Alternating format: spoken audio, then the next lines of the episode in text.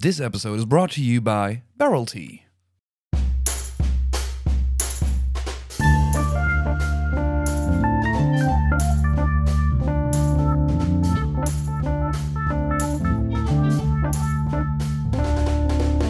Welcome to our weekly whiskey podcast episodes. Normally we do it in Dutch, but today we got a very special episode. We are talking completely in English today, and we're talking with Tobias and Aleksander. Um, thank you guys for uh, for being here with me today to uh, talk about your spirit drinks because we can't quite call it a whiskey, and on every bottle it says this is not a whiskey. Uh, but we're going to try to find out today what it is, what it is, especially its ETOH. Um, about the name, we will hear much more later on. Um, so if you are sitting in the Netherlands and if you have the podcast subscription, you can try these two amazing spirits with us today. Um, but we are going to dive in into how to age whiskey in just a matter of days. Gentlemen, thank you for uh, joining me today. How are you? Thank you for having us. Yes, likewise. Perfect, guys. Um, I just want to briefly have a quick uh, to start with, like you guys, like uh, Tobias, like uh, how did you start drinking whiskey, and how did you get in contact with whiskey? Um, back when I was uh, studying to become a brewmaster, I had my half-year internship in Scotland. Okay. So moving and living in Scotland was to quite the eye-opener of uh, what was possible. Okay. Um, having a long re- experience of making beer myself, uh, whiskey is always just always it always seemed like the upgraded version of beer. It's almost the same product. They're so different, but they have the but they have the same heritage. Mhm. So um, yeah, I re- I really grew fond of it, and over the years I've I've understood that there's a whole universe of of, of, of different whiskeys that is uh, exciting to to explore and understand. Great. And Aleksander, how did you get in, in, in touch with whiskey for the first time? Yeah, for me it was more like a transition. During my student years, I always worked at the bar, so uh, I fell in love with gin, then started to drink a little bit more of aged gins, and from aged gins it just slowly went to whiskeys. And and, and how do you guys meet and started? Like the how how came the idea of ETOH? How, how did it all start? So it's it's uh, you you have to start with a with a scientific idea, a scientific model, a a a hypothesis. Mhm. I had this idea that whiskey could be aged uh, faster, better. Okay. Um, so I entered with a collaboration with University of Copenhagen, Mm-hmm. Uh, and that's why I met Aleksander because Aleksander was finishing his thesis in anal- analytical chemistry. Okay. Um, and he was very keen to to do it because it was right your topic. Yeah. So I was just uh, looking for a yeah nice thesis topic, Mhm. and that's super interesting. Uh, and from there it just went quite fast. So my thesis was actually our first commercial product endeavor. Okay. Uh, so you can just imagine the classes there when we presented our topics. Like I, there was a lot of guests always when I presented, so mm, people could always try something. The first product you mentioned was it also like a, yeah, let- let's call it all whiskey, but even though it's legally not a whiskey, but was it a whiskey? It's hard to say. We prefer to call it pure malt legally uh-huh. in Mhm. Europe, but definitely if we would be sitting now in Australia, we could call it whiskey. All right. So I, I guess it just depends of the legislation in your country. Mm, Okay. Uh, but in Europe, yeah, we are quite strict. Let's say this is not whiskey; it's a pure malt or malt spirit. And that was also like your thesis project. It was also like this same, this pure malt on this. So I, yeah, I studied analytical chemistry. Mhm. So uh, it was just focusing on analyzing our product with some commercial ones. So we had around 20 commercial products, and we've been trying to map it all together, um, focusing on around 20 most popular compounds which you found in whiskey, Mhm. uh, and just trying to place it somewhere. Uh, because yes, you you can have 12 years old whiskey which tastes totally different, like other 12 years old whiskey. Mhm. Um, so we just try to categorize it somewhere. And we could see that that was uh, two and a half years ago with our first product. We landed in between uh, four and eight years old. Okay. But I would also say like we, I think, improved a lot from that time. So This this, this first product that came, like uh, that you guys produced. How long did it take for you guys to to complete the, the, the recipe to call it like that, like the the way you you age it this quickly? Three to six months. Wow, okay. It's daring to release your first product. It's like your your first record. You want you want it good. You want it to express everything you are. Mhm. You're still unsure of the market. You're still unsure of the reception. Yeah.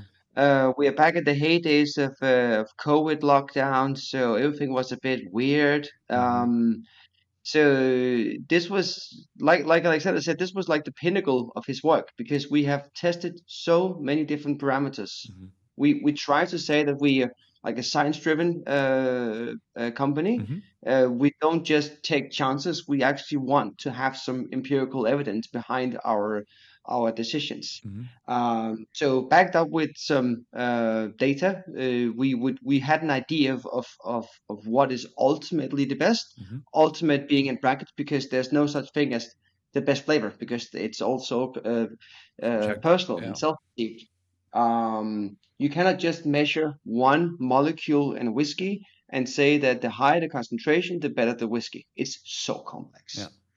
And that's why I think it's a beauty because uh, any product I've done beer, whiskey, uh, it's also an art form. It's an expression. It's a craft. So it's also about what's your personal preference. How do you want to shape it? Uh, so it's it's it's it's the it's the beautiful art of balancing science with a personal expression. Okay. Uh, so we were quite happy about it. Um, because of the lockdown, we basically drove across Denmark. Denmark is not a big country, uh, but for us it was a long distance. yeah. We went to the biggest online uh, whiskey shop in Denmark, whisky.dk, Mhm. with 10 cases because like we want our first sale. Mhm. And these guys have a big collection of uh, vintage bottles, etc. Um, and we managed to sell to sell the first cases in the first weeks because they they were daring enough to put us on a whiskey homepage. Okay. Um, and I think soon after we we we quickly wanted to hand out samples to different people of the industry, uh, key tasters, etc. Mhm. And the overall reception is this looks, feels, smells, and tastes like whiskey. And you can start with storytelling. What do you want to define it. What is it then? Mhm. But most people agree it's whiskey. All right. And I may also just clarify because it took three to six months for the final product when we already had the running machine. yeah. So of course, like I joined more on the finish line Mhm. when I met Tobias. The machine was almost complete. All right. Uh, we just needed to like have some commercial tests. Mhm. Uh, but Tobias was developing it for three years before I met you, probably something like this. Uh, so let's say the first test started more than five years ago, All right. just by Tobias. Okay, we, we are definitely getting way more in depth on the machine itself. Uh, before we do so, I, I just really want to quickly talk about like the name and the branding itself, like ETOH. Um, what what does it mean? What does it stand for? It's we're both, I would say, chemist. Uh, the official abbreviation of ethanol, Mhm. alcohol, Mhm. is ETOH or ETOH. Uh, and for me, it carries a personal story because I was the founder of uh, To Øl, a brewery here in Copenhagen. Uh, and since I went solo for this project, two means two and et means one.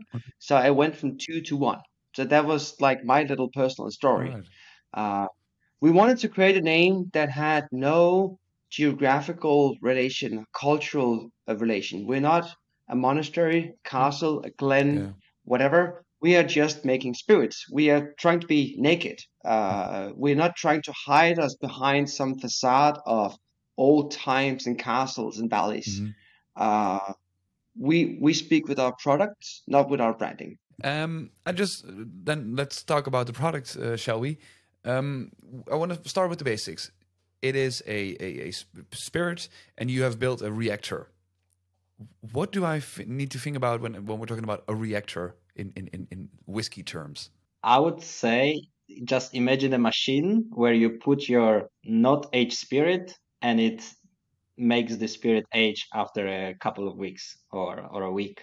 Uh, depends what you want to create. Uh, but in general, reactor, because it just combines many different uh, aspects of chemistry and uh, physical chemistry Mhm. together in one device. So the idea was to just put the spirit in and take it out, and you can just control everything from one device. So we can Alright. literally sit at home, check on our uh, online system, and program it the way we want to. Which like like w- when we are distilling, you got like a master distiller has all his little knobs and, and, and things to, to twist and turn to to make the spirit uh, as, as, as close to what he wants to. Um, but what parameters are you guys tweaking to change the flavors? So you would, for us, you would always start with ultrasound. Uh, Okay. That's uh, the heart of the instrument.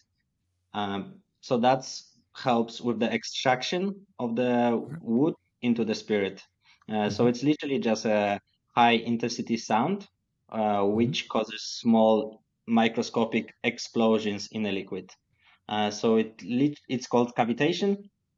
So those cavities, when they explode, they have 5,000 degrees temperature, like around the sound temperature. Okay, wow. Um, and that's that's what enables us to extract very fast. But of course, extraction is not the most important thing, I think, in uh, whiskey aging, Okay.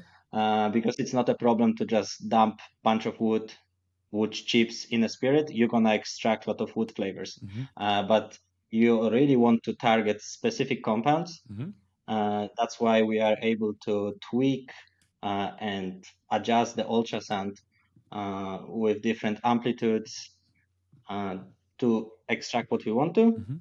And then we have different parameters like oxygen, the temperature at which we carry everything, pressure, and the flow rate. Mhm. Um, yeah, but we mostly um, adjust ultrasound. All right. And but w- you have this reactor, you put in a spirit, but you also need to you mentioned like the the extraction from wood. Um, does it mean like you're putting staves in the reactor itself or wood chips or how do you guys get this this this wood introduced to the flavor to the to the spirit? I think we we um, we we started with staves, and that was also sort of the inspiration for the reactor name because it's not plutonium staves, but it's oak staves. Um, Okay.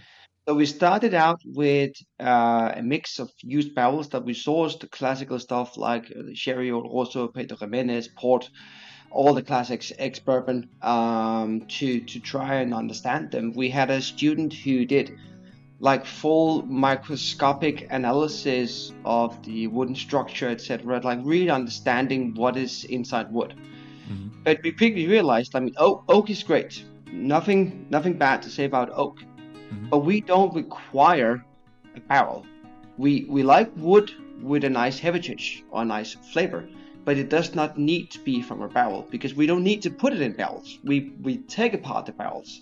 Yeah. And that's why we started experimenting a lot with different wood types. One of them we're going to taste today, uh, because basically uh, most wood types are similar, they but they carry so many different characteristics, and some of them you physically cannot build into a barrel. It's either too porous or it's not flexible enough, etc. Various reasons for why you can't build barrels out of this wood.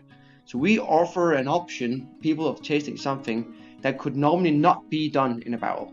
Um, Okay. So that's why I think it becomes really interesting. We have a respect for the for the craft. We we like to make products that carries the same flavors that you expect from a classical Scotch whiskey. Um, but honestly, it's more fun to to do the things that have not been done before. Mhm. And experiment with which might not be possible traditionally. I- just want to explore this because, like, I find like talking about like a spirit and, and, and stuff like that without actually trying it makes it very hard to uh, to to understand. So I just want to focus on one product first um, and, and and hear the story from your guys' per- perspective. How did it came to be? How did you start this this this product? Um, and I'm talking about. Uh, I'm, I'm so sorry, my Danish isn't very well. Heringsgard? That's fine. Yeah. The, the, the, Okay, as well. Perfect. to be fair, I think Aleksander is, is not also native Danish speaker. Yeah. Uh, the double A, um, the double A hmm is an O. So Oh. går, hearings, går. All right. We, And- we make a lot of the E, U, O in Danish. But All it's fine. Aleksander, we, we are probably on the same level, or do you currently speak uh, fluent uh, Danish? It's impossible, seriously. Honestly, I'm very proud. Uh, I've been to Bodegraven many times for the beer festival with the De Molen. So my my Dutch is, is not good, but I can say Bodegraven. ah, it's it- it's definitely good enough. Definitely good enough. I think Um, always Da- Danes and Dutch we are being picked up abroad of could be the same language, but we, we do have some guttural R's. Yeah. and the the G sounds, especially. Yeah, yeah, definitely. Probably we sound the same, but we don't understand each other. Yeah, exactly. It's it's for for a foreign speaker, it might look the same, but especially when I'm reading this, it, I will not be uh, pronouncing it correctly. But what I can pronounce correctly is that it's uh, based on 1939 sherry liqueur barrels. So that's what's close and like up front, uh, which is all very clear. But please, like, guide me through the the spirit itself, please. Yes. Uh, Denmark is not a wine country, not by far. Okay. We do have some great fruit trees, especially cherries and very specifically sour cherries. Okay. Uh, the region south of Copenhagen, where my family originates from, is called Stevns, and therefore they call these local berries Stevns berries or s- sour cherries. Uh, I think it's sort of the same variety that you uh, are growing in. Uh, is it what? Uh, in the Pajottenland region in Belgium, where you make the uh, where you make uh, lambic Yeah. Oh yes, yes, yes. uh, so for we had a very long history of a local Danish company Mhm. uh, that made a, a cherry liqueur.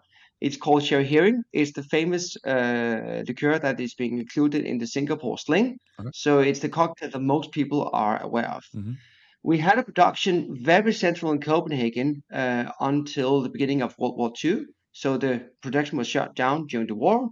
And after the war, they decided maybe it's not very convenient to have a production factory in the middle of Copenhagen. Uh, so they moved somewhere uh, countryside to continue the production. But the building was still there, and actually the barrels were still there. And time went by, and uh, some some foundation took over the buildings, Mhm. and we knew someone who knew someone who knew this foundation. It's like we have these old barrels. Mhm. They've just been sitting there empty since 1939 Yeah. uh, we can't really put them back together because they're really like creaking and and Old. Yeah. bent, Yeah. really old. and huge as well. They've been like a double barrel. Uh, it was for around 400 liters, 500 liters barrels. All right. Yeah. Really thick wood, beautiful staves, beautiful color of the wood.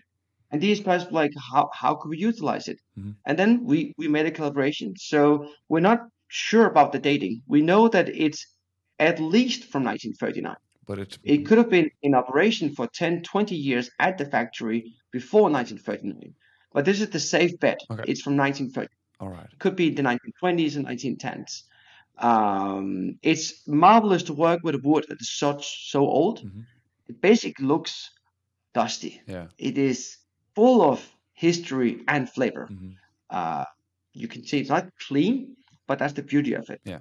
Um, so since since uh, is a is a neutral grain spirit um, liqueur with some spices, we had something you know some colonial possessions, something with curacao, Mhm. uh, orange peel. Like we we had some imported spices and we used that for our spirits. Mhm. So we didn't we didn't want to try to add spices to this one, but we tried to imitate the grain bill. So that Yeah. I think we call it a, a, a, a, grain spirit. So it's a malt blended with some corn and some uh, wheat. So it's it's slightly grainy. It's not a pure malt, but we call it a grain spirit. Yeah, because like at the, the the the back of the bottle, I can see like malted barley eighty percent, and then uh, bourbon American twenty percent. Um, Yeah. y- you know that in Scotland, people have been fired for trying stuff like that, right? that's why we're not in Scotland. yes. Yeah, we are aware that the Scottish Whisky Association can shut down ridiculous things like repairing barrels with new wood, like John Glaser did. I, I think it, it's um, tradition for the sake of tradition. I I'm I have certain traditions, but no, we want to we want to explore flavors. Uh, Mhm. So we, we can choose and we can do whatever we want here. I think a- as long as you are transparent, is everything's everyone's happy because uh, Yeah, we, no- we're not yeah we're not trying to persuade someone like no that's Uh, that's a pure malt. No, no, we, we, we say what it is. So. Yeah, no, exactly. Like uh, especially like for for the people who are actually trying this uh, this this this this this spirit with us. Um, I know like a, a few people here in the Netherlands we are not a big fan of bourbon. They the, the corniness, uh, the corn dust flavors they don't like. Um, but it's still like I can see it on the bottle. I can see exactly where like which spirits is going into the reactor in the first place. Um, so I feel like that's really really interesting to to see like this blending of like Scottish barley and bourbon. So I'm I'm I'm quite interested. Like we see a finish on steel. What does what does a finish on steel mean? Finish on steel mean that it was only been in our steel tanks. Okay. Sometimes we, we would add a finish. So after the reactor, we would age it on something we have tried cocoa nibs, uh, cacao, Coffee. yeah, um, spent grain. With sometimes you wanted to finish with something if that's what you want. Mm. But this is like certain white wines are just finished on steel. That Yeah. does not mean it's it's a lesser wo- worth uh, white wine. Mhm. It's more a clean expression. right. Um, yeah. All right. Um, below that, we see like the, the barrel staves, which we talked about, the Danish uh, cherry liqueur barrels. And then we get into the good part. Um, and this is where I definitely need your guys' helps. Polarity defractionation. Did I pronounce it any any close to, to correctly? Perfectly fine. Yeah. Okay. What what do I need to do with this information as a consumer? Spirits sitting in barrels for a long time will actually extract natural levels of acetic acid from the many different acidic sources acidic sources you have in wood. Uh, it's weird to understand, but like fats is basically acids, but they're just bound to something else. But in in theory, fat is an acid. Okay. Uh, so some of these fats in the wood degrade and become real acids, and that's why we can extract. Um, a spirit is a mixture of water and ethanol. The, the, the, the chemistry is so beautiful how water and ethanol mixes and binds together. Uh, uh, you have something which we call polarity. So Mhm. polarity is the ionization of molecules, how much they are, are negatively and positively loaded or not, being neutral. Mhm. Uh, so we feel that with our products, we can enhance the way that water and ethanol binds or mixes together. Okay. Um, this affects what do you get as a, as a drinker. This affects the mouthfeel and the nose, especially uh, your your your nosing qualities, and when you when you intake it and you get your retronasal olfaction, that's where you enhances which molecules are being put out into the air and into your nose and your nostrils. So it's it's a way of um, helping the spirit to to become more volatile and have a better overall aroma. okay. The, the physics is really complicated. Uh, Mm-hmm. It's something about shifting equilibriums and mixing ratios. It's uh, Very complex. yeah, it's it it relates to the same principle when you add a drop of water in your in your glass. Yeah.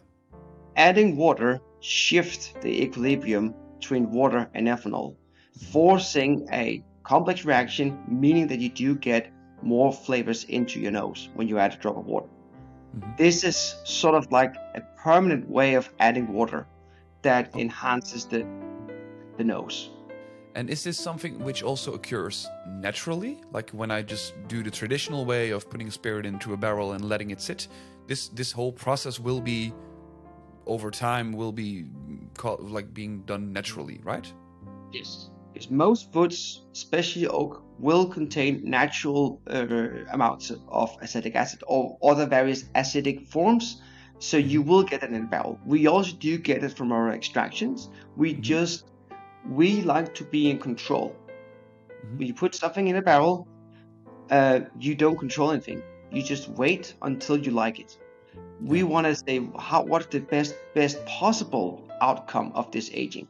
And how can you do it basically manually instead of like waiting for a few years? Yeah. All right. Or sometimes some people would season the barrels with something So that's also maybe a way of just controlling it other way without adding something to the bottle first. Um, so like on the bottle it says like which types of acid you you guys use. Um, what I'm wondering is like I as a common uh, mortal can can't explain this at all. Like it's it's it's so uh, it's so complex.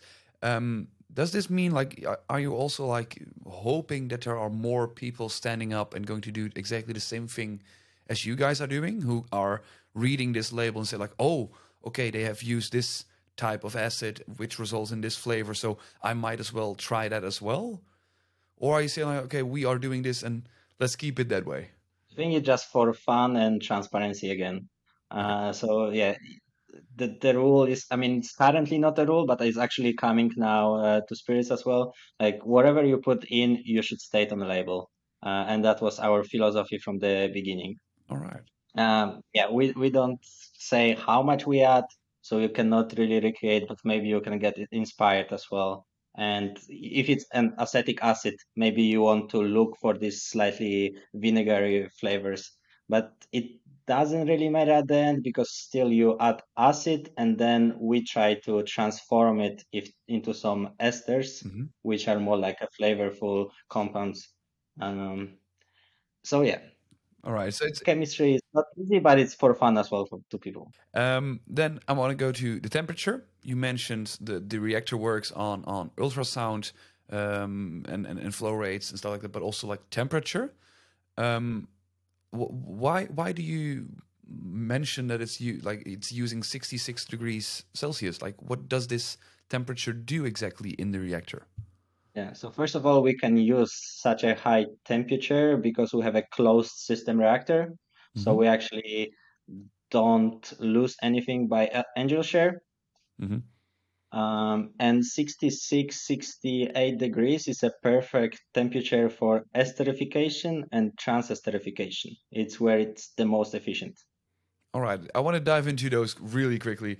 What is like first of all, what are esters? Because we've heard about it a lot, but what what is an ester? Just imagine a very flavorful compound. So right. it's it's it's a condensation of an organic acid and an alcohol. Uh, most the most basic one you know is ethyl acetate. That mm-hmm. is when ethanol reacts with acetic acid, the two most like simple basic acids and alcohols. But you can find numerous variations of different uh, complexes of, of esters. Uh, the short ones are typically more like green fruity, green apples, uh, raspberries, very like simple flavors. The medium ones tend to go something like banana flavors, and then the long chain ones are the really interesting ones because then you get something like like waxy or coconut or um, yeah, the really like refined flavors. All right. Um, the the dominant aroma group in Scotch whiskey is esters. Plenty of other groups being responsible for the flavor, but in concentrations, esters is the most abundant aroma molecules. So when we say we try to make Scotch style whiskies, we ha- obviously have to focus on having the right ester profile. And so you take a look at like common uh, Scottish whiskies, try to figure out which esters there are in this this this this spirit and to try to explore like how can we recreate these same esters in fewer time lesser time. Yeah but just like it's thousands thousands of com- compounds. All right. so you have to focus on something. Uh, so we usually try to just look at the literature what they mention is the most important and we try to narrow it down to these ones and compare our whiskey of our spirits to the commercial whiskeys but yeah some of the compounds like they can be such as small values but uh, they just very powerful and they can overtake very quickly the whole profile of the spirit even in the this micro concentrations uh, okay really uh, really interesting um i just really want to just try it out like you also mentioned like the craziness factor on this one is just one. So I'm I'm, I'm starting uh, pretty pretty uh, tame out here. Um, released in 2022, so it's uh, a very recent bottling at 45% alcohol and 12 days uh, it has been aged.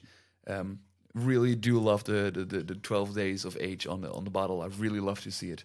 Um, so I'm going to uh, pour a glass and, and, and, and really looking forward to uh, let you uh, guide me through the, the, the flavors. To be fair, I think the, the scales we put on the back, Mhm. Our relative interpretation.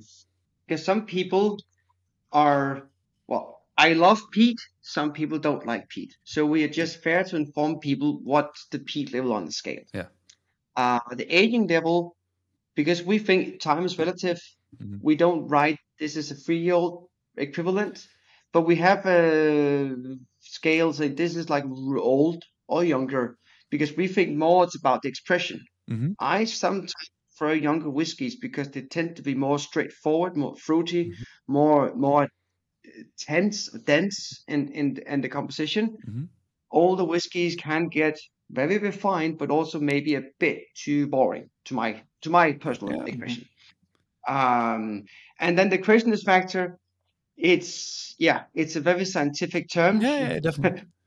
Just basically say, is this something that will, is it safe to serve at home with a lot of guests in your house because you know everybody will like it, Yeah. or is it like is this for you for your for your best mate because you're gonna try something really special? All right. Uh, this one is quite safe because it really carries some classical deep notes. I mean, nothing is being experimental here. Mhm. Uh, rather, rather the, the the contrary. All right. So it would also go from like classic to novel spirits from us. Okay. So yeah, we, the classics like are what can I expect from the classics uh, in your range? Yeah, we just try to recreate something which you are already familiar with. Uh, if we would give you some crazy spirit and ask you like, oh, yeah, what do you think? You would probably say, yeah, that's interesting, but you have just nothing to compare it to. So we need to have couple uh, classic expressions for you to try it and say like, oh yeah, this actually tastes like this whiskey which I had like this time. And you can actually say if you like it, if you don't like it, and if it's good. All right. And the novels is, are more like the experimental and way higher on the craziness uh, scale. Yeah, and the novels no one ever made before, so uh, it, it's just it's just ours. That's really cool. And um, like th- th- this one on the with the sherry liqueur barrels, this is in the class novels classics. This is a classic. This is classic. Yeah. It's the classics. All right, perfect. Um, yeah, I'm, I'm really looking for like what what are you some tasting notes that you guys get from it? To me, is this super enveloping roundness and pleasant. I think the um, um, the um, the spirit fumes are quite well tempered, so you don't get that like uh, boozy stinginess in your nose. I think it's overall sweet, mellow, oldish, bit oakish, um, just really down to earth. It's it's uh, it's it's it's it's mellow and simple. Not simple. It's it's it's Clean. It's clean. Yeah. Clean. Okay. Yes. Try to have all these directions uh, going down a parallel. It's it's very like settled. Mm-hmm. Okay. And for me, it's very Scotch-like. Maybe the bourbon actually refreshes it a little bit, adds a little bit of sweetness. Uh, but yeah, probably on a, in a blind tasting, I would say this is Scotch. All right. What I find very interesting is it has this very yeah, what you mentioned like this very clean uh, smell. I would like it, it has also this very nice, warm, um, almost Christmassy spice notes to it. Um, of course, like sherry uh, flavors are very. Maybe it's it's between my ears that I'm saying like, okay, I'm actually smelling these these cherries on, on it. Um, but it also has this very nice, more cocoa powdery, warm, um, dense flavors to it as well. I think it would have somewhere deep in the back. I mean, there are 80 year old cherries and spices in the barrel. There's some curacao orange peel somewhere. Yeah. Supposedly, the the recipe for for Heering is is secret. Uh, but we know a guy who basically knows what what was added. Um, so it's quite interesting. But yeah, 80 year old flavors being mixed together in a product that's less than two weeks old. I think that's so interesting to to to make. This is this is what makes our days worth. It's like making products like these, uh, combining old history with novel science. It ha- but it still has this this this um, when when you take a sip, it really does cover your mouth, which I find very interesting because one of when when I first heard of you what, what you guys are doing, one of my first concerns was like, okay, but how are you going to create this rich, uh, oily, viscous mouthfeel without the time in, in, in, in wood? This is like uh, it feels feels like this would be the biggest challenge to to recreate. While taking a sip, I still feel like okay, wow, it does have this rich, viscous, oily uh, mouthfeel, which even some younger traditional whiskies of like six to ten years that they still don't get. But here you you get to do it in like uh, twelve days, so that's very really surprising to me. Um, but after you you you swallow the first sip, it, it really does pack a punch. It, it really has these very heavy peppery and, and, and, and spice notes to it as well. Um, 45% alcohol. Why did you guys settle on 45? Does, is it a per bottle selection? Yeah, it is per bottle selection. Uh, it, it's always about the flavor for us. So if something would taste better at 49, we're gonna release it at 49. It didn't happen yet. Uh, we usually end at around 46. Um, Maybe, maybe that's our personal preference. Uh, honestly, we we we're not like analyzing what other people want. I think it's more easy. To, uh, we follow our our uh, thoughts and ideas, and then you can you can convince people that it's good because we like it. Yeah. Um, it's it's it's uh, we we tried during all the projects we did. We tried to say, well, do you since we're not we we we're not we, we don't need ten years of aging. So do we need to work with a classical cask strength as they do in Scotland? So we tried numerous uh, percentages to see what what you get, and we must admit there is something about that golden 62 to 65 to 68 percent cask strength. Mhm. It creates the right balance between what you extract, what is water soluble, and what is spirit soluble. Mhm. Uh, so we actually that we have not changed. We basically work with cask strength in the reactor, Mhm. and then we have very uh, access to some uh, extremely good reverse osmosis water, so we can make the right blends here in Copenhagen, which is otherwise very very hot water. Okay. Um, that cannot be used for spirits. and as I remember, 46 and a half is, I think, the highest viscosity between water and ethanol. Okay. So that's why you get also the best mouthfeel at around these percentages. So All right. And if you put it higher than 46, then we'll be Yeah, it- yeah, I remember. I remember there is like a paper by a Russian scientist who uh, who who who made it famous that this 46 and a half is the point. So All right. No, I didn't do that. Really cool. Um, with with this this bottling, like how big is the, the the reactor? Because like when we talking about like oh I am having an ex bourbon barrel, most people know it's like okay it's between 200 and 250 liters. Uh, but if we're talking about like your reactor, uh, we got no idea like how many liters of spirit does it does it contain and how much can you age at the same time. So it's a it's a 200 liter reactor. Okay. It's it's a it's a cross cut between being like a pilot plant. Sometimes we wanted to have 10 machines at five liters just to make more experiments. But we also do try to sell products, so we want to scale to something. Mhm. And at the beginning, I actually thought, to be honest, I thought yeah, we're gonna do this thing with the machine and reactor, and then yeah, we'll we'll give it six months in a barrel just to make it proper. So we actually fitted it to almost fit with a classic bourbon, Mhm. which is 190 liters. Uh, but we just really quickly learned that we don't need the barrels. We don't Yeah. need to finish them in a barrel because they're good. Um, and if we would put it in a barrel at the end, you also just lose control of everything. You you have no idea how it's gonna come up. So even if we would try to go this way, I would much prefer to put it first in a barrel and then to our uh, reactor, Right. because then I, I can guarantee what's gonna be an outcome. Like the other way, I have no control. And do you guys still like feel like after doing many different bottlings and, and doing some research on it, uh, doing much research on it, do you feel like okay, we now know exactly how to dial it in, or do you feel like it's still an ongoing process? This is science. You you you you know until you learn something new. Yeah. Okay.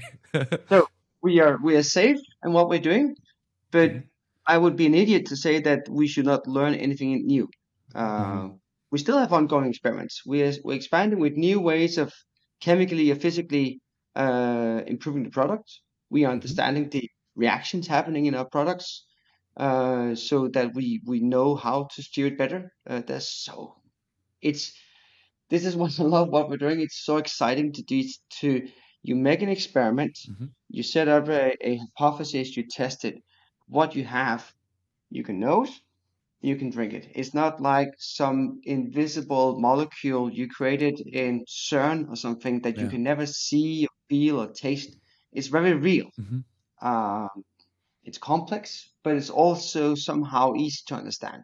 And if you, what I, I I'll- put a link in the description and in the show notes as well um, to a page on your website, uh, the, the whiskey compounds of interests.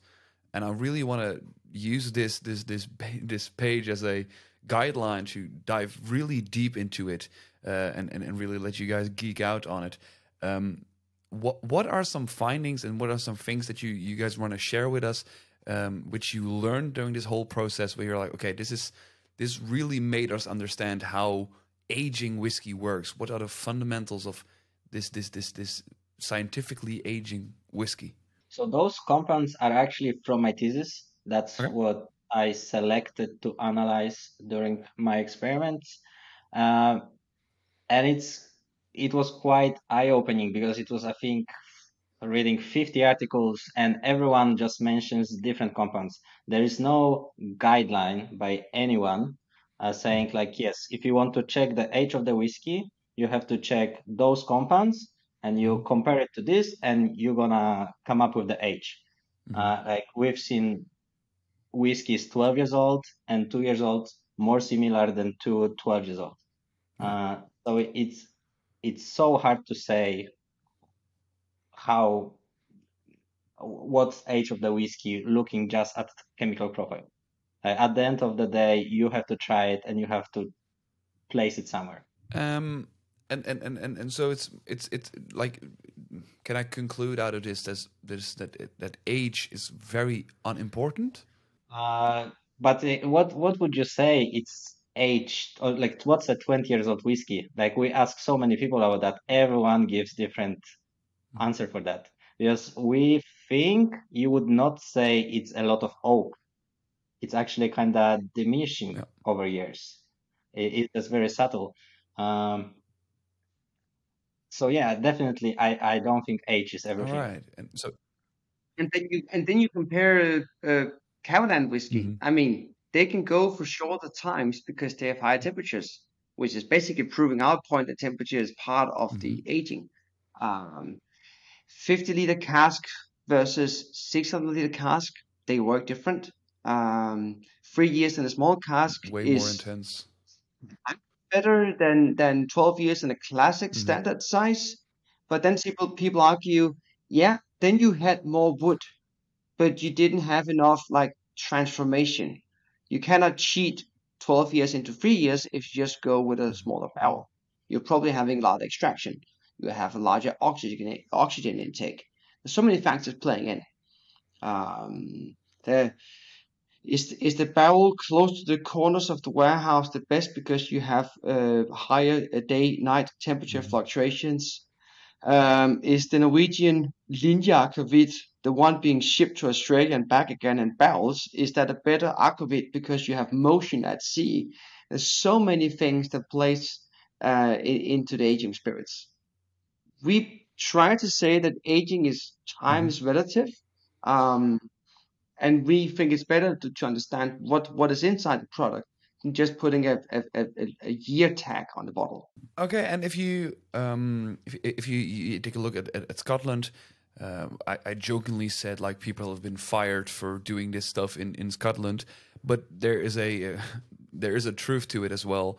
Um, do you see this as a bad thing that this this this whole Scottish whiskey world has been so stuck in this this this we've done this for hundreds of years and this is the only way to do it or do you also somehow do appreciate the the tradition and the old fashioned way of doing things I mean, I, I think it's good for them that they have such a business and it's it's untouchable. Like it's let's let's be real, it's not gonna change. Uh, Mhm. so we we're not even trying to fight it. It it is what it is.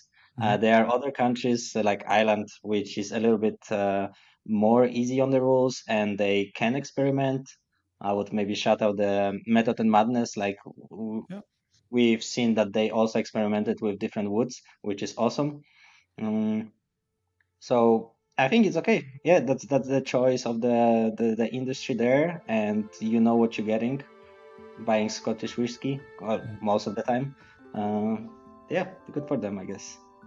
But I mean, um, you can find is it Weihenstephaner, some of the old German breweries Mhm. dating back 500 years back to the birth of the German Reinheitsgebot. Mhm. They make fantastic good beers. Yep. But there's also numerous great craft breweries producing great new products with new recipes with new hop varieties.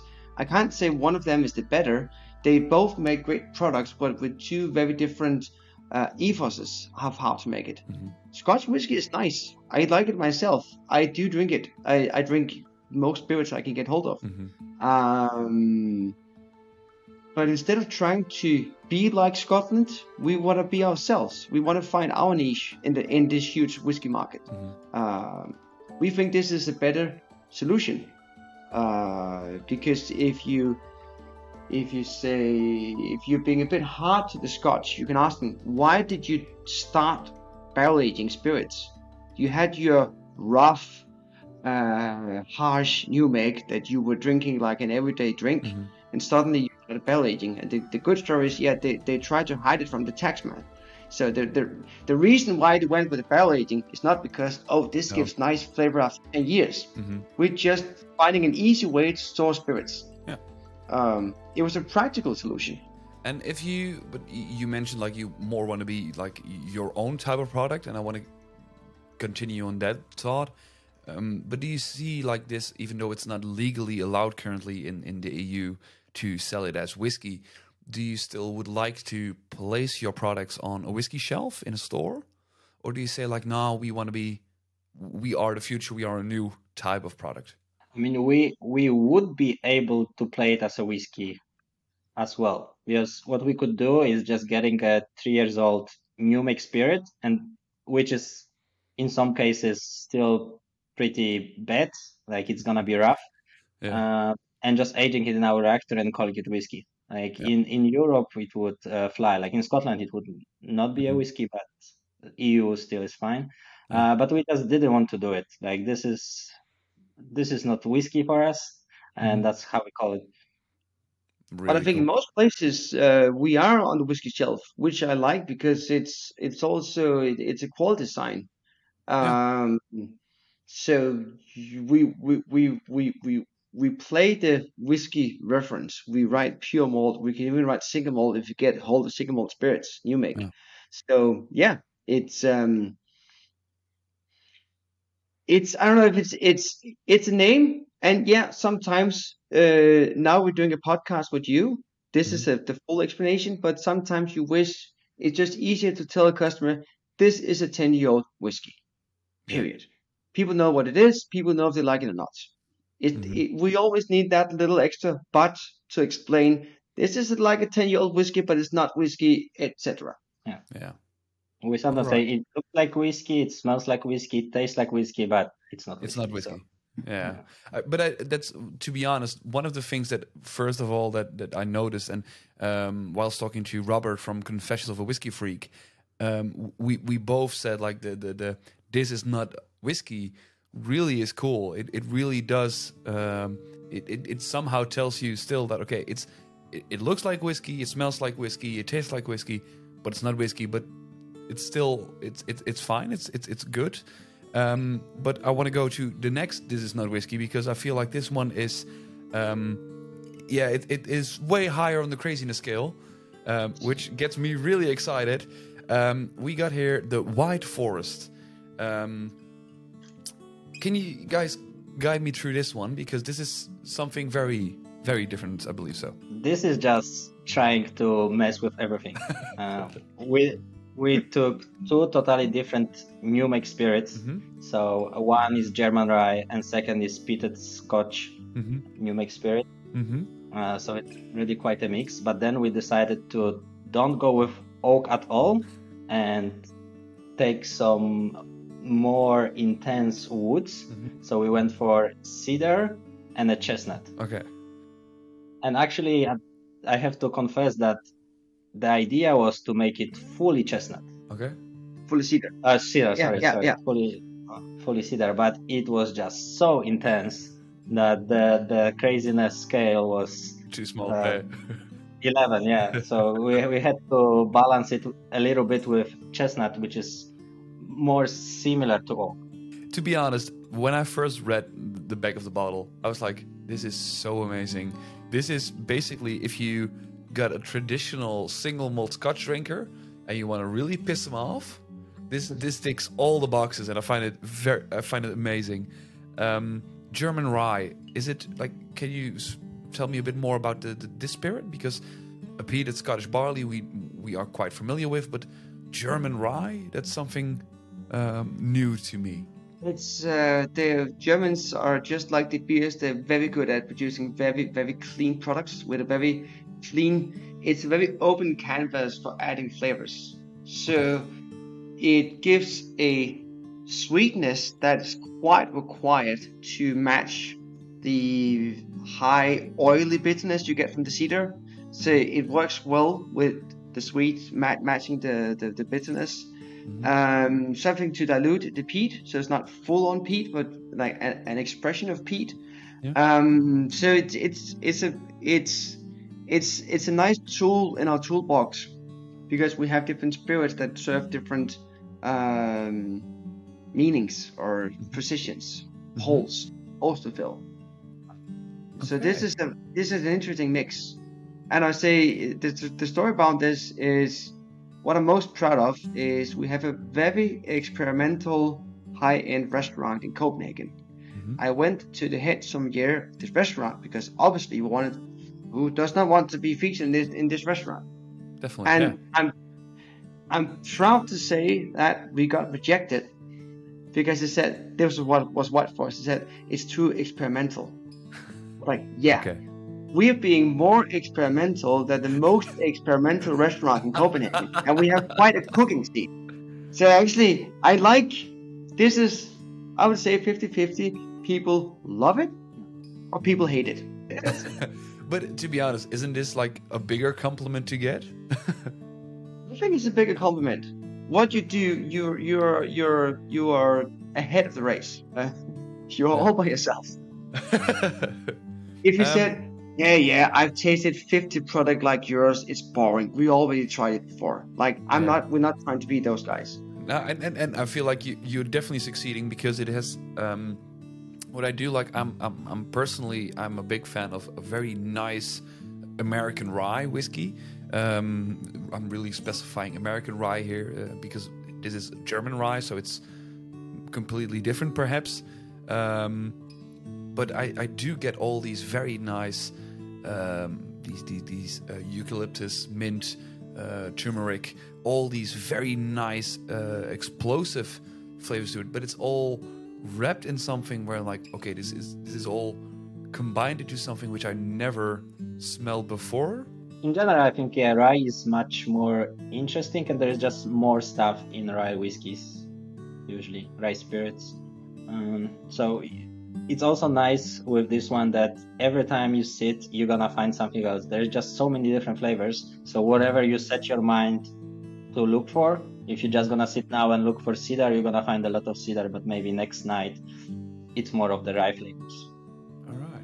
Yeah, I think you're absolutely right with the eucalyptus and mint. For me, for me, cedar also expresses a bit like pines. There's a piney, I call it almost like Mediterranean sea breeze. This it's so complex, but this is an example of a wood, just like similar to Nordic uh, birch wood, that it has so many oils in the wood. So even also the dosing this one, like Aleksander said, we first tried only with cedar, and it was like extremely harsh, no mouthfeel, like extremely astringent, watery, pun- yeah, Almost bitter. yeah, fantastic nose. Like the smell was fantastic when it was working on its own, but it was undrinkable. uh, so this is the right balance, uh, but it's so expressive. What uh, you mentioned like before you, you added a different type of wood, uh, this this this watery uh, mouthfeel, and now I'm gonna. This is something which we which I haven't wrote down uh, to, to to ask you guys, but it's just something that popped up in my mind.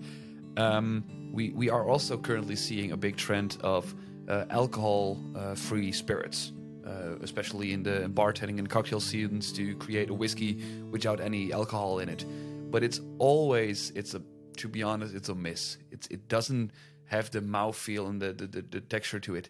Do you guys feel like with all the knowledge you guys have that you could actually recreate an alcohol-free whiskey which feels like whiskey? We tried. Okay. Okay. So it, it was okay, but it was definitely not up to our standards. okay. So maybe one day um, we'll be keep trying. It's getting better, but yeah, like it's okay when you try to mix it with some cocktails, but the moment you try to drink it neat, it's it's just not it. It- It's it tastes like water. It just feels like water because of the mouthfeel, as you mentioned. Yeah, and that's especially what I meant, like what I also experienced with all the different uh, whiskey brands which are alcohol free. But it's I was just wondering because like this this this adding of the the chestnut, you like it's it gives this this this more body to it. Perhaps this would be uh, the the big solution to create finally create an alcoholic uh, alcohol free uh, whiskey which might be palatable palatable uh, on its own. It's simply put down, alcohol, ethanol is a solvent. It Mhm. dissolves things, molecules. Uh, it dissolves things that you cannot dissolve in water. You can Mhm. create a very complex uh, process for extracting things and then putting them into water. You can do CO2 extract, etc. But it's always you cannot fake the mouthfeel, the viscosity of of ethanol, which is widely different from water. Um, it's the it's the it's the way ethanol and water works together. It's so many things, and like we just mentioned earlier, the esters. Esters require an alcohol. You cannot create an ester without the presence of an alcohol. Uh, Okay. We it's it's uh, it's fair to to to go for for sober drinking. Um, we we acknowledge it, and people should be free to, to choose what they want. Mhm. Um, we think that our products is here to be enjoyed for the for the taste and not to be consumed in in high volumes. No, definitely, definitely. Like we we always say, like drink less, drink better, uh, and that's uh, exactly. But it's just, I was just wondering that for a second. Um, I'm gonna take a, a quick sip. Um, how do you guys feel like the the, the White Forest changes compared palate to to nose? Like, what are the differences which you guys get out of it? For me, it's just like entering a sauna when you smell it. It's this, uh, yeah, chestnut dominating. Mm-hmm. It's not cedar again, cedar. Mm, It's is the is this citrus citrusy almost juniper gin like expression. It has a bitter note playing your tongue. It's slightly astringent. You get that little bit of puckering in your in your cheeks. Mm. It it it so it feels different. Remember that when you drink, uh, when you taste something, it's a combination of your taste and aroma, but also your feeling sense. The same way Mhm. that you, when you have a chili burn, it's actually your your skin feeling the chili. You don't taste it, but you feel the chili. You feel mustard. You feel horseradish. Mhm. Um, so bitter compounds is something that you feel, but you can also taste them. Um, this, so this plays on one more sense in the way that it, it carries some astringent bitterness, which is uh, can be upsetting for some, but I think it's interesting. Um, in a Boule- in a Boulevardier cocktail with uh, with uh, vermouth, it's it's beautiful, but it's it's it's it's expressive. Yeah, and it's a very long finish, actually. It doesn't really disappear. No, yeah, that was the first thing when we tried it here. What, what surprised me is like it's it's it's so long. It's such a long finish. It's very um, very complex as well. Um, uh, at, at at which you mentioned like the 50-50, like you hate it or you love it. Um, we we also noticed this uh, this result where I was like I was to be honest I was really um, interested in in the White Forest. This personally from the the two that I had, this definitely is my favorite. Um, but uh, like Lucia, uh, our co-host normally, she really liked the the the, the, the I'm just gonna try it again. Herringsgaard. This one she really liked it way more because of its more recognizable as a whiskey, even though it's not a whiskey. Um, really cool. Um, uh, you are aging, and you've got a, lot of knowledge compare like about aging. Um, does it all like after having your own brewery? Do you also feel like I want to distill and then do the whole process from beginning to end completely by myself? Some part of me, yes. But the idea of moving abroad and putting up machines different places in different Mhm. continents, being able to work with so many more different spirits is, I think, more interesting. Uh, we haven't tried to age, uh, I don't know, Cachaça or Baijiu, or there's so many spirits in the world we've not tried to age. Uh, so instead of just being here, being actually only able to source barley and wheat as our local uh, ingredients, um, it doesn't make sense to import rice to, to, to Denmark just to make a rice spirit. Yeah. So I think I would rather build more machines. We want to build machines that are different, uh, machines that are adapted to different products. Could be better adapted to rum, could be better adapted to cognac. If there would be any Frenchman so adventurous uh, to, to, to bypass the aging, it's about culture. We normally feel like some countries are just they just want to stick with the old ways, which is fair. And I wish the other countries is like, let's go all in. I think the US is a great example of a country with a wide established scene of other accelerated aging companies. Uh, I, I think there's a more that there's there's bigger interest in it over there. There's less tradition. It's a it's a younger country, you could say. Um, spirit scene is younger. Um, so it depends. But yeah, I, I, I do miss the, the smell of mashing malt in the mornings. Like the whole house is just filled with that sweet flavor. I do miss that flavor. Yeah. Maybe a micro distillery just for like a limited editions. uh, that's- Yeah. Yeah, Yeah. just a small, small stale, small uh, everything. Yeah. Um, and do you, uh, do you also at, at this current uh, stage, do you feel like okay, we we want to build more machines, more reactors, stuff like that? But what what is like the, the concrete? Like, what's the next step? Like, what is the first thing where you're like, okay, next thing after recording this episode, I would love to do. We started out thinking that we can make a great machine, but let's maybe use a barrel. Like I said, just just to finish it. Then we learned, okay, we, we need we, we don't need the barrel, we just need the wood. Mhm. Recently we had the hypothesis, like, do you really need the wood? Like why do you need wood? Because we we we let's try without it. Yeah. So we have an upcoming release uh, made together with a, a famous brewery uh, from the Nordics.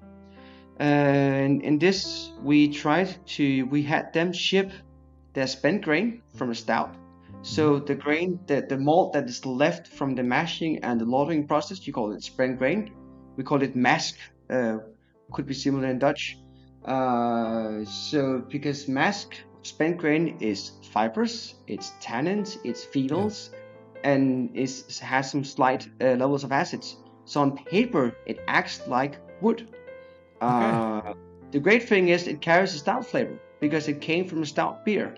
Uh, so instead of felling trees, uh, cutting into the hardwood to making proper barrels, and then disassembling barrels to make our process or any other barrel aging, we actually take an upcycled material which has the potential of giving the same flavors or even better flavors.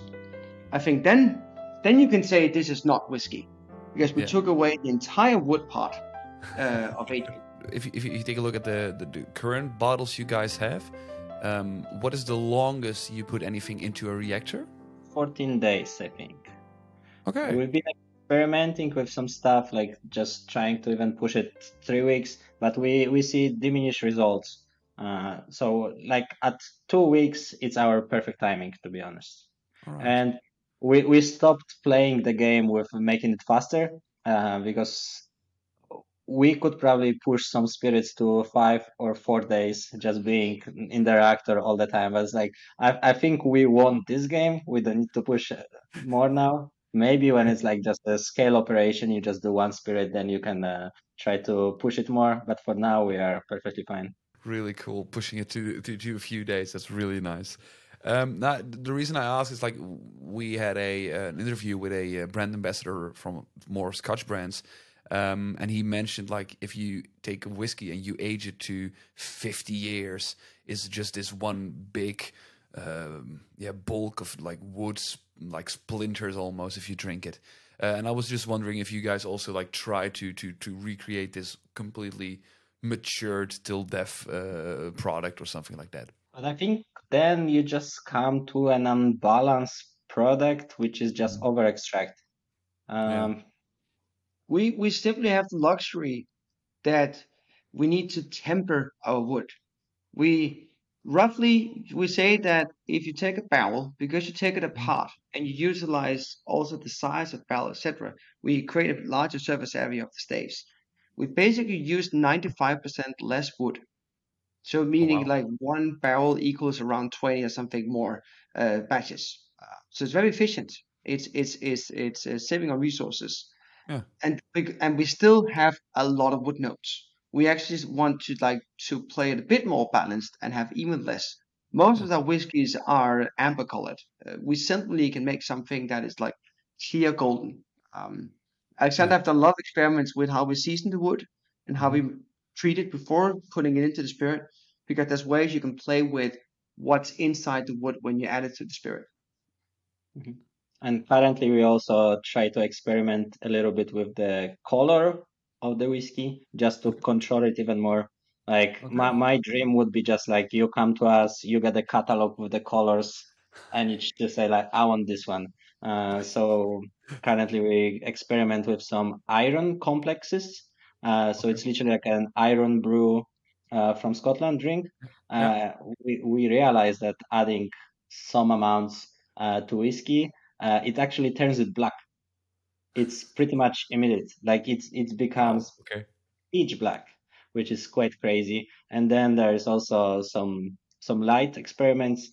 Uh, with this, you can also maybe bleach a little bit. So it would be just awesome to sit on a computer, choose your color, and it runs. But that's that's the future, hopefully. Really cool, guys. I'm I'm I'm hearing a lot of things that I'm really excited to, uh, and I want to really thank you for taking your time to just talk about all of this.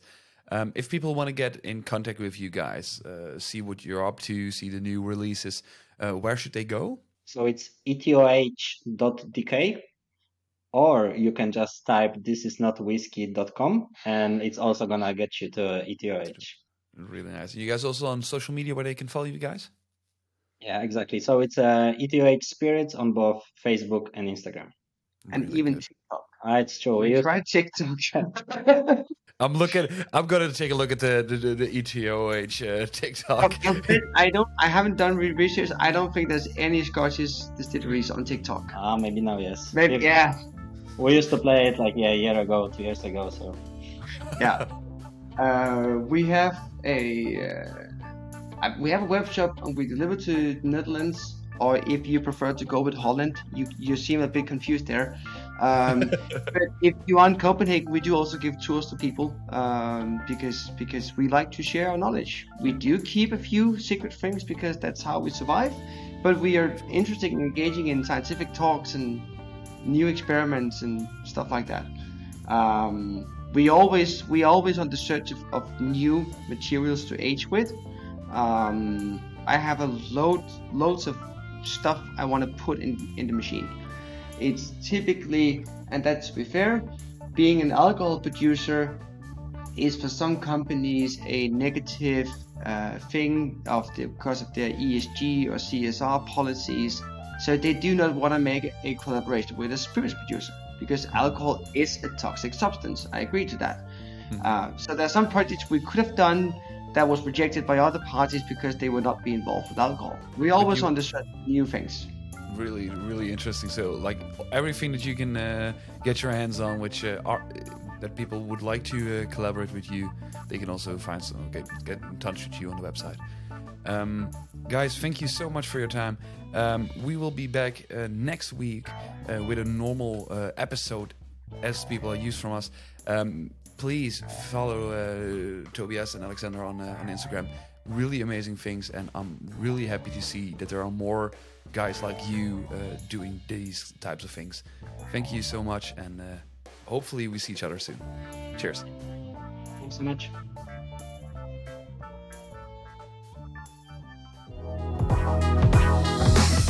Hey, Max. hello lucia Hey. yeah we got some great news this episode is brought to you by barrel tea uh, so What's barrel tea? barrel tea it's yeah the name suggests it's tea but there's no tea leaves in it at all mm-hmm. you got four flavors scotch rum bourbon and cognac but how do they get these flavors? Now, they take the barrels where the spirits have been aged in, and then they just crush them up to these sm- small little wood fragments.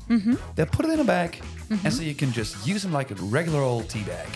Put them into your hot water so they can infuse, and they'll give you a nice warm cup of spirit flavored tea. And it's it's it's it's so amazing. It's perfect It- for if you do want the flavor and the smell, but you do not feel like drinking alcohol. Exactly. Or if you need to work, it's the it's a completely legal way to still have the flavors of spirits, but be behind your desk doing your work. It's, it's it's really amazing. It actually And it's lovely. it, it really has the flavors of your favorite spirits. Um, it has this very nice complexity, uh, and it's it's it's amazing.